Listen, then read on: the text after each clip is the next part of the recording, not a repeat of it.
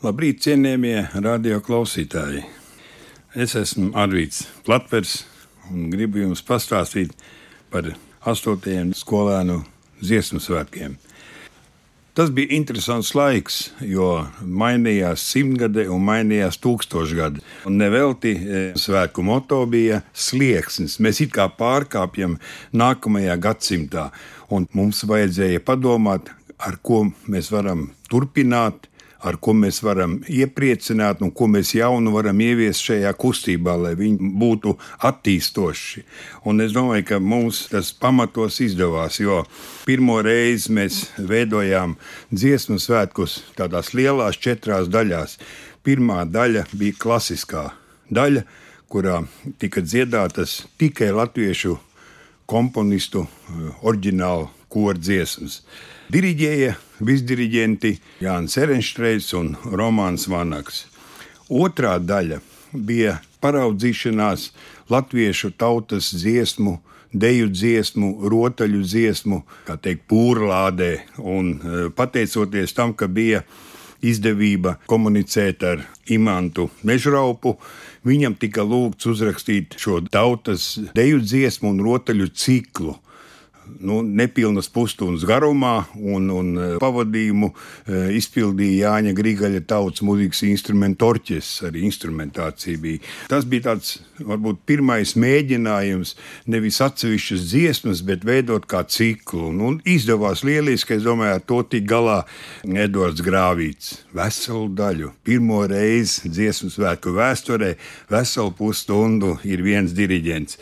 Tad, e, veidojot koncertu, radās doma paraudzīties pasaulē, aizgājušā gadsimtā, nu kādas dziesmas dzied pasaules tautas. Šeit var tādu humoru atzīmēt, ka bija paredzēts milzīgs balons, kurā mēs it kā paceļamies un tad ceļojam apkārt pasaulē, kā jau tas e, daudzās valstīs ir.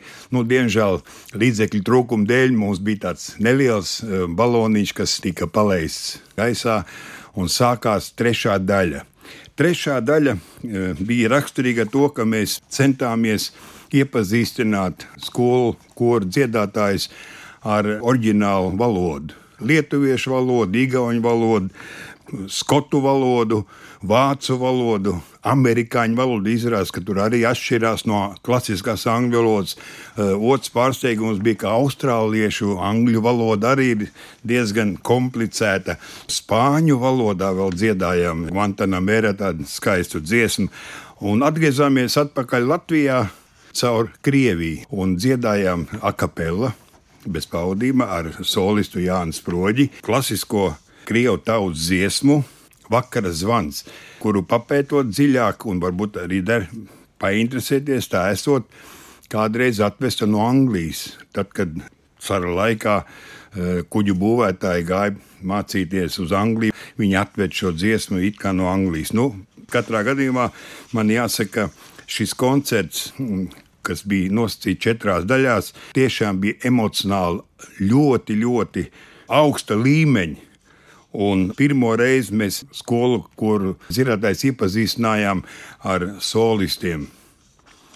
Miku Sabaroniņu, Daumanu Kalniņu, tie bija vēl toreiz Donskola audzēkņi, Normons Iekušonoks, Pits Andersons, Ance Krauze, nu pa Jānis Proģis jau teicu. Gunārs Kalniņš, Arnis Mēdnis, Ainārs Mielovs, kā jūs redzat, mēs mēģinājām eh, kopā salikt estrādes dziedātājs tā laika zvaigznes ar eh, skolas koriem. Un, protams, tās emocijas jau nevar aprakstīt.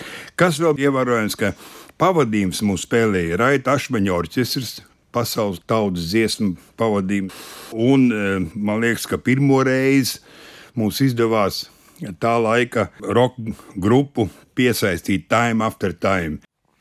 Speciāli svētkiem Zigmārs Liepiņš uzrakstīja dziesmu ciklu Teika ar Māra Zālītes zeju, kurā e, tika attēlota Daugaus rakšana.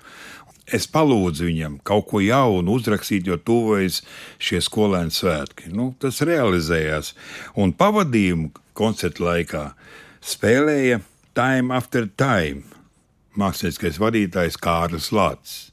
Protams, arī izpildījuma laikā e, piedalījās pats autors. Un varbūt tā grūtības pakāpe bija tā, ka skolotāji sastopās ar e, ritmiem, kas ir vairāk paredzēti nevis klasiskai kora mūzikai, bet e, ekspresīvai pop rock mūzikai. Un, lai varētu um, skolotāji labāk apgūt ar skolēniem šos darbus, speciāli tika nodziedāts šis darbs. To izdarīja Boris Māras Irmā vadībā un tika izdots CD pavadījumi, lai skolotājiem nebūtu jāicina palīgā koncertmeistari un skolā varētu pareizā ātrumā, ritmā un, un tempā nodziedāt mēģinājumos, un lai tas pātrinātu šo procesu. Mācību gada laikā virsdiriģenti sāka braukt uz rajonu skolu kopmēģinājumiem, un tā bija pirmā prakse. Un mērķis bija, lai īsāk e, būtu mēģinājumi lielajā meža parka estrādē, kad bērni arī pierod pie virsdiriģentu prasībām un, un apgūst interpretāciju tieši no virsdiriģenta. Vēl der atzīmēt, ka šajos astotajos dziesmu svētkos pirmo reizi uzstājās apvienotie skolēnu pūtēji orķestri. Arī tāds liels notikums, jo bija jāmainās nevis dziedātāji ar dziedātājiem, bet dziedātāji ar orķestri. Ja? Nu, tāda zināmā pauze, bet es domāju, ka mēs veiksmīgi tikām galā. Un, un vēl viena novitāte bija tā, kad uh, tika organizēts atklāšanas pasākums 11. novembra uh, krastmalā kad pulcējās visi e, dziesmu svētku dalībnieki un muzikālo priekšnesumu veidoja e, Ventspils skolu kori Eduarda Grāvīša vadībā. E, atceroties šos koncertus, man jāsaka, novitātes bija ļoti daudz. Tātad pieci virsdiriģenti, Māris Sirmais, Jānis Erenštreits, Romāns Vanaks, Eduards Grāvīts un Arvīs Platpers kā goda virsdiriģents, kurš nodiriģēja Jurijānu Andreju dziesmu Dievs dod mūsu tēvu zemē, Jānis Dūmiņš. Nu, varētu teikt, tā, ka tā bija pēdējā reize, kad uh, mūsu megazvaigzne diriģēja skolēnu korus.